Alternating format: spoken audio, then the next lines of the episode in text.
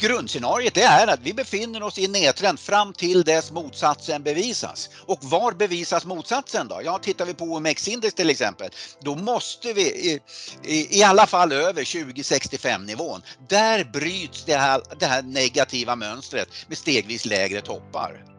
Det här är Investera och agera, en podcast från Carnegie Private Banking.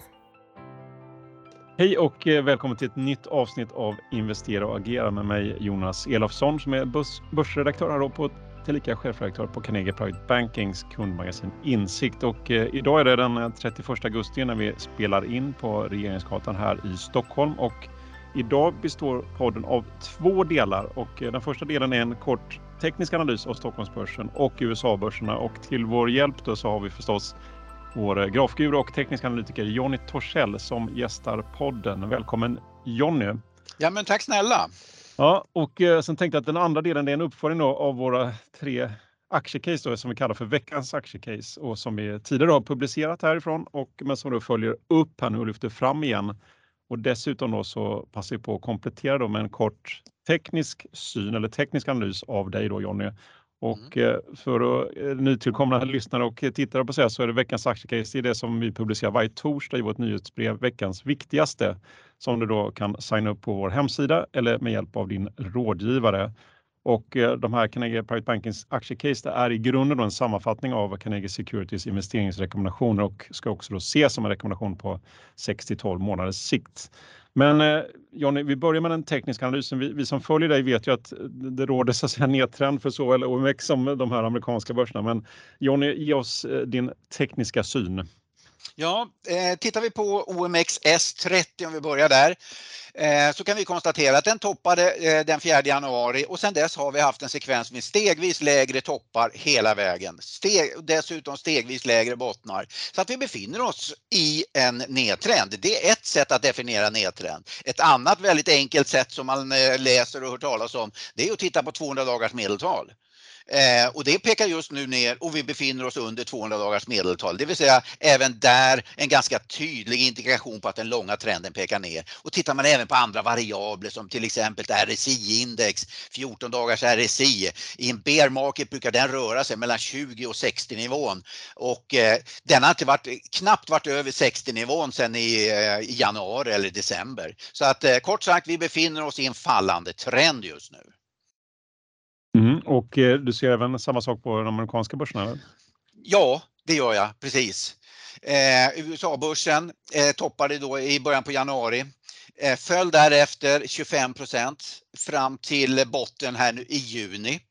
Eh, och sen fick vi efter den botten en ganska stark uppgång. Jag trodde att vi skulle få en liten uppgång, men jag trodde inte att vi skulle få en sån här stark uppgång. Och, eh, utan index steg med 19% gick upp till 200 dagars medeltal och därefter har vi börjat falla tillbaka nu igen. Så det här ska bli väldigt intressant att se. För det här, det som har skett just nu i S&P det, det, det, det, kan liknas lite grann vad som skedde då under, ja, vid, vid den här toppen som vi hade under IT-eran. Då, då toppade index eh, under hösten år 2000, föll därefter 28 procent. Sen steg den 19 procent, slog huvudet i 200 dagars medeltal och sen har det börjat vända ner då. Sen föll det då med 26 procent på 80 dagar. Och vi hade ungefär samma läge även vid toppen i finanskrisen. Då toppade index under hösten 2007. Sen föll index med 20 fram till våren eh, 2008. Sen fick vi en uppgång med 14% precis upp till 200 dagars medeltal och sen började nedgången igen. Sen fick vi en nedgång då på 40% under de kommande sex månaderna. Så att just nu så det, ja, det, det ser väldigt väldigt, vi har ett väldigt intressant läge. Vi hade även ett annat läge som är lite mera bullish som liknar det som vi har just nu. Och det, det är den situationen som vi hade 2011. Då toppade index eh, på våren 2011, föll med 20% steg därefter med 20% precis upp till 200 dagars medeltal och sen föll den 10% noterade en högre botten och sen startade en ny bull market fas. Så att där befinner vi oss just nu på USA-börsen. Så det är ett, just nu ett enormt spännande läge just nu på USA-börsen. Men grundscenariet är att vi befinner oss i en nedtrend fram till dess motsatsen bevisas. Och var bevisas motsatsen då? Ja, tittar vi på OMX-index till exempel, då måste vi i, i, i alla fall över 2065 nivån. Där bryts det här, det här negativa mönstret med stegvis lägre toppar. Så det är väl det som är en, en kort Eh, kondenserad bild av indexanalysen just nu skulle jag säga.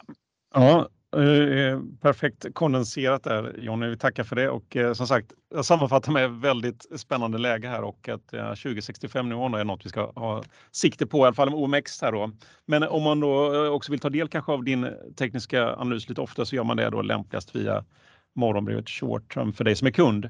Ska vi säga då. Så nu tänkte jag växla över lite mer till, eh, eller lite mer helt och hållet eh, till att börja med, till fundamental analys eh, där vi då ska gå vidare med lite uppföljning av några av dem, tre av de veckans aktiecase som vi skickat ut under, alltså sent som förra hösten och lite grann i våras, närmare bestämt då Loomis, SKF och Tele2.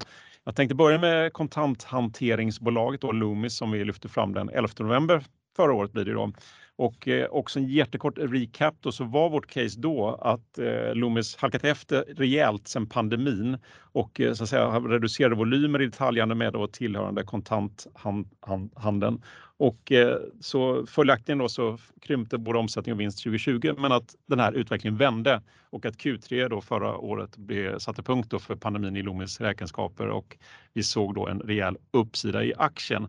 Och hur ser det ut då ett eh, drygt halvår senare får man säga? Och aktien har utvecklats faktiskt väldigt väl i relativa termer. Dels har den nog, även i absoluta, för den har stigit 20% samtidigt som börsen faktiskt har tappat 20 så det är en fantastisk outperformance. Så den operativa, operativa trenden är, har verkligen vänt då med besked kan man säga och det har bekräftats både i första och andra kvartalet. Så det är rekordtillväxt, eh, hög organisk tillväxt men lönsamhet kanske inte riktigt tillbaka på rekordnivån men det är för att man då investerar i en ny betalningsplattform då eh, Loomis Pay som hanterar alla typer av betalningar, inklusive då digitala. Och, eh, man har dessutom en ny VD sedan 23 maj då, då Patrik Andersson lämnar över till Aritz Larea. Men eh, aktien har tyngts, så får ändå säga historiskt här, och eh, tyngs delvis fortfarande av en allmän skeptisk mot kontanthantering. Men det är ju egentligen bara kanske Sverige och Norge som den kontanthanteringen faller kan man säga. Med eh, övriga länder så, så växer det och Loomis Pay då är en del av bolagsstrategi för att hantera det här digitala alternativet. Då. Så vi ser aktien som ett defensivt case i rådande skakiga börsmiljö och eh, det är fortsatt goda tillväxtutsikter och eh, vi tror på den här fortsatta utrullningen av SafePoint och Loomis Pay. Vi ser att de tar andelar, eh, marknadsandelar, de har en stark balansräkning och en konservativ värdering kring P10 plus direktavkastning på ungefär 4 Det, det noterar också att det är en liten ny riktkurs eh, sedan halvårsrapporten på 337 SEK marginellt justerad från 340 när vi lyfte fram caset i november. Så vi tycker det är fortsatt intressant fundamentalt. Jonny, hur ser den tekniska analysen ut för Loomis? Mm.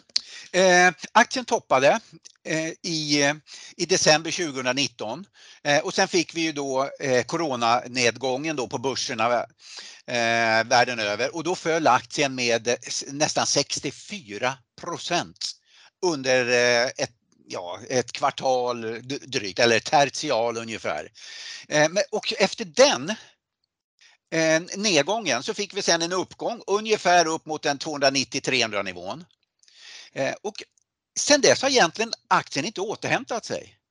Aktien har gått sidlänges nu i, vad är det, en, ja, nästan två års tid där den vid flera tillfällen har varit uppe vid 200, 290, säg, säg ungefär 300 nivån och så har det rekylerat tillbaka. Eh, det gjorde den då eh, under sommaren 2020. Sen fick vi en, en rekyl tillbaka ner mot vad var det, 200 nivån. Sen fick vi en ny uppgång eh, mot 300-nivån i, i maj 2021. Fick en liten rekyl och, och eh, återigen upp till 300-nivån i juli 2021 och sen föll det tillbaka ner till 210 där någonstans och sen fick vi en ny rörelse upp eh, och sen en rekyl och så vidare och så vidare. Och nu har vi, nu har vi återigen kommit upp till 300-nivån. Så nu har vi varit där uppe vid flera tillfällen. Eh, samtidigt som vi har en sekvens med stegvis högre bottnar. Så att vi har alltså en gigantisk konsolidering som har pågått i två års tid. Och jag brukar prata om att ju större orsak, desto större verkan. Och vad menar jag med det då? Jo, e-, efter en ju längre perioder av konsolidering, desto större brukar de efterföljande trendrörelsen bli. Så det här ska ju bli väldigt, väldigt spännande och se nu om aktien orkar bryta igenom det här motståndet som har varit nu alltså under nästan två års tid. Skulle den göra det, då tycker jag att det här börjar se riktigt spännande ut. Då tror jag att vi kommer få en eh, uppgång mot en kanske 300, eh, vad kan det vara, 370 upp mot en 400 spänn eller något sånt där. Eh, på, på, kanske ett års sikt eller ja, någonting sånt. Självklart kommer, eh, borde det här, jag menar de flesta aktier, en stor våg lyfter de flesta båtar. Eh, skulle börsen gå in i, fortsätta en stark nedtrend, ja, men du har svårt att se att vi ska få det där ordentliga lyftet. Men om börsen går sidlänges eller i alla fall ja, håller sig hyfsat och vi får den här köpsignalen, det här kan bli jättespännande. Det där mm. håller jag ögonen på.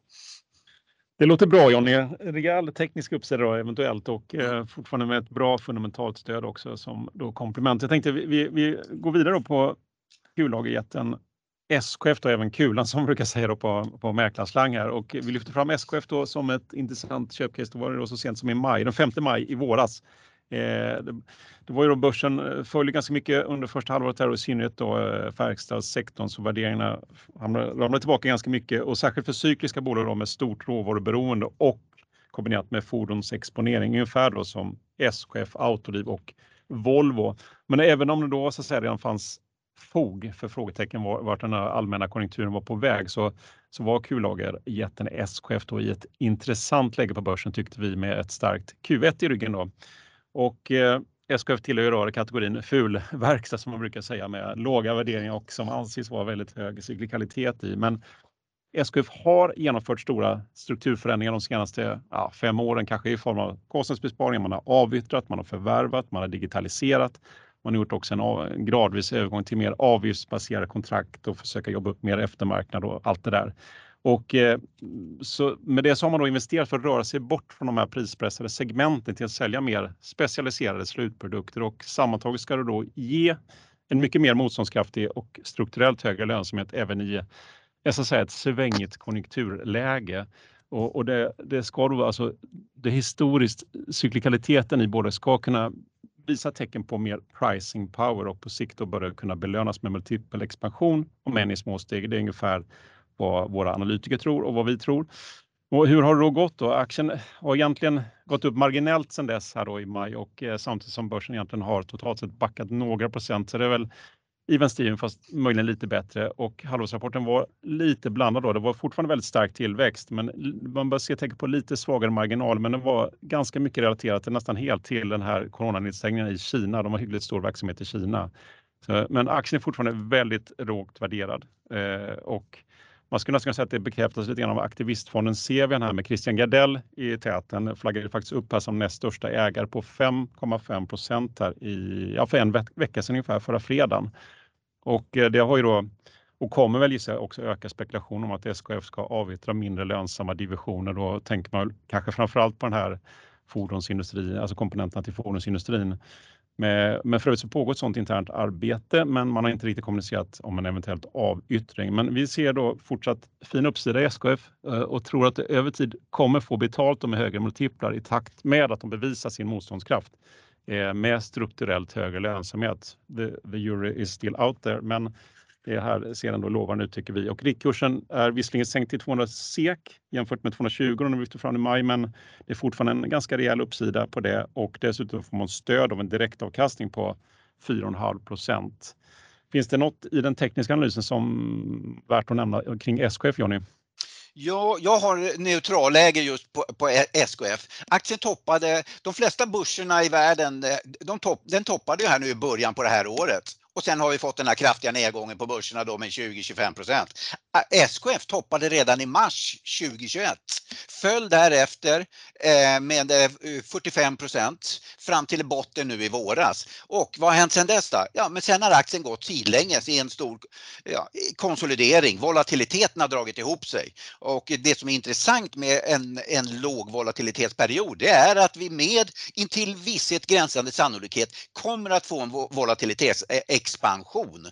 Så det ska bli, nu ska det bli väldigt intressant att se åt vilket håll vi kommer att få den expansionen. Vad jag brukar göra är när jag vet att jag kommer att få en rörelse men jag vet inte åt vilket håll. Då brukar jag titta då på ett eh, åt vilket håll det bryter utåt. Skulle aktien börja bryta ut på uppsidan över 170 nivå med lite tydlighet, ja men då tror jag att vi kommer få en volatilitetsexpansion på uppsidan. Ja, men då, kan, och då kan aktien röra sig upp mot den 190 nivån där eller något sånt. Eh, och eh, ja, och nu får vi se då om eh, ja, åt vilket håll den då kommer att bryta ut ur den här konsolideringen. Så det är väl det jag bevakar i den. I övrigt så har vi ju då nedtrend. Det vill säga stor nedtrend och nu den här volatilitetsexpansionen. Eller volatilitetskontraktionen som kommer att leda till en volatilitetsexpansion i, mm. inom kort. Ja, det var det, håll... min observation där. Ja, håller vi ögon på vilken, vilken riktning som den så säga, utbrottet kan komma att ske. Men eh, jag tänkte vi avslutar med det tredje och sista caset som är kanske det mest defensiva caset av de här och det är telekomoperatören Tele2 som ja, var egentligen strax innan midsommar där den 16 juni som vi lyfte fram det och eh, men jag tyckte det var, passar ganska väl för det bolaget är ett konkret exempel på aktiecase som vår aktiechef Kalle Hedberg lyfte fram i måndagens börskommentar bland annat att telekomoperatörssektorn är ett intressant aktieval i portföljen just nu. Och eh, det kan man väl sammanfatta med då kanske att det är tider av börsoro som man ändå får säga att det är just nu, inte minst och eh, då är värdebolag ett bra inslag i portföljen och telekomoperatören Tele2 är ju ett sådant case.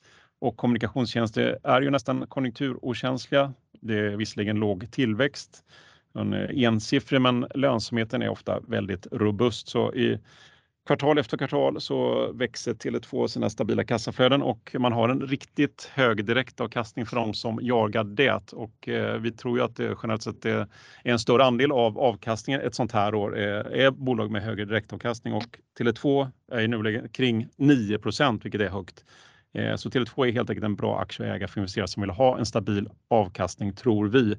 Eh, om man tittar då lite grann vad vad hänt sedan dess? Den har egentligen stått still i princip aktien och, eh, och halvårsrapporten var stabil. Det brukar inte vara så stora händelser egentligen i telekomoperatörerna operativt och vi har samma riktkurs 150 då som nu. Men vi ser kanske framför allt en eh, substantiell värdeöverföring till aktieägarna de närmaste åren. Eh, dels som utdelning och dels då i det fria kassaflödet, antingen då återköp eh, eller utdelning. Och man är frigjord delvis efter den här avyttringen av Tele2s andel i T-Mobile i Nederländerna.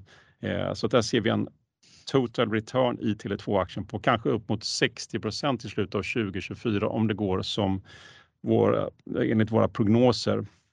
Så det, det är fortsatt köp i det defensiva, defensiva caset där. Men Jonny, hur, eh, Finns det något eh, att säga om Tele2 teknisk analys? Ja, eh, ah, aktien toppade här i våras på, vad var det, det var 360, ja, vad var det, 150 spänn där någonstans. Eh, och sen föll den då med eh, 27-28 procent eh, på, på två månader och sen dess, precis som du sa då, har aktien gått sidlänges. Eh, och den noteras just nu i konsolidering. Eh, med ett stödområde vid 111 eh, spänn där någonstans, ett kortsiktigt motstånd vid ungefär 120 nivån. nu får jag se då åt vilket håll det bryter ut. Passeras 120 nivån, då tror jag att vi kan röra oss upp mot kanske en 125, kanske ända upp mot en 130 nivån. Skulle den aktien istället bryta ut på nedsidan, Eh, ja, då, då siktar jag på nedgång ner mot en 105 där någonstans. Kanske 100 lappen om, om vi skulle få en riktigt svag börs. Men där skulle det vara väldigt intressant att plocka upp den. Bra och eh, ja, dagens kurs är ungefär, vad är den, 115? 115,50. Ja, ja, perfekt. Ja, men, eh, stort eh, tack Jonny för dina tekniska insatser här. Mm. Vi avslutar dagens podd där då och jag vill ändå passa på också att nämna att Carnegie Private Banking har ju den här seminarieserien Börshösten 2022 i full rull och vi har haft tre seminarium och eh, vi har två kvar och här bjuder vi in våra strateger och aktieanalytiker vid totalt fem olika tillfällen för att prata olika utsikter om sektorn och eh, de bästa casen som man har. Och eh, vi har som sagt två seminarier kvar och imorgon fredag då så är det hälsovårdssektorn och eh, sällanköpsvaror. Och du som är kund då kan ju följa de här seminarierna live och ställa frågor i chatten där, alternativt ta del av sändningen i efterhand och det gör man då enklast i Carnegie online. Ja, tack för att du har lyssnat. Aktiecasen som vi tog upp då är en sammanfattning av Carnegies fundamentala analys som publiceras för Carnegies kunder då SKF 27 juni, Tele2 den 19 juli och Loomis den 25 juli. Och mer info om aktierna finns länkat i beskrivningen till den här podden. Historik och underlag kan du få ut genom att mejla mar underscore information at carnegie.se. Är du intresserad av topprankad aktieanalys och unika investeringsmöjligheter? Gå då in på carnegie.se privatebanking och lär dig mer om vad du får som private banking-kund hos oss.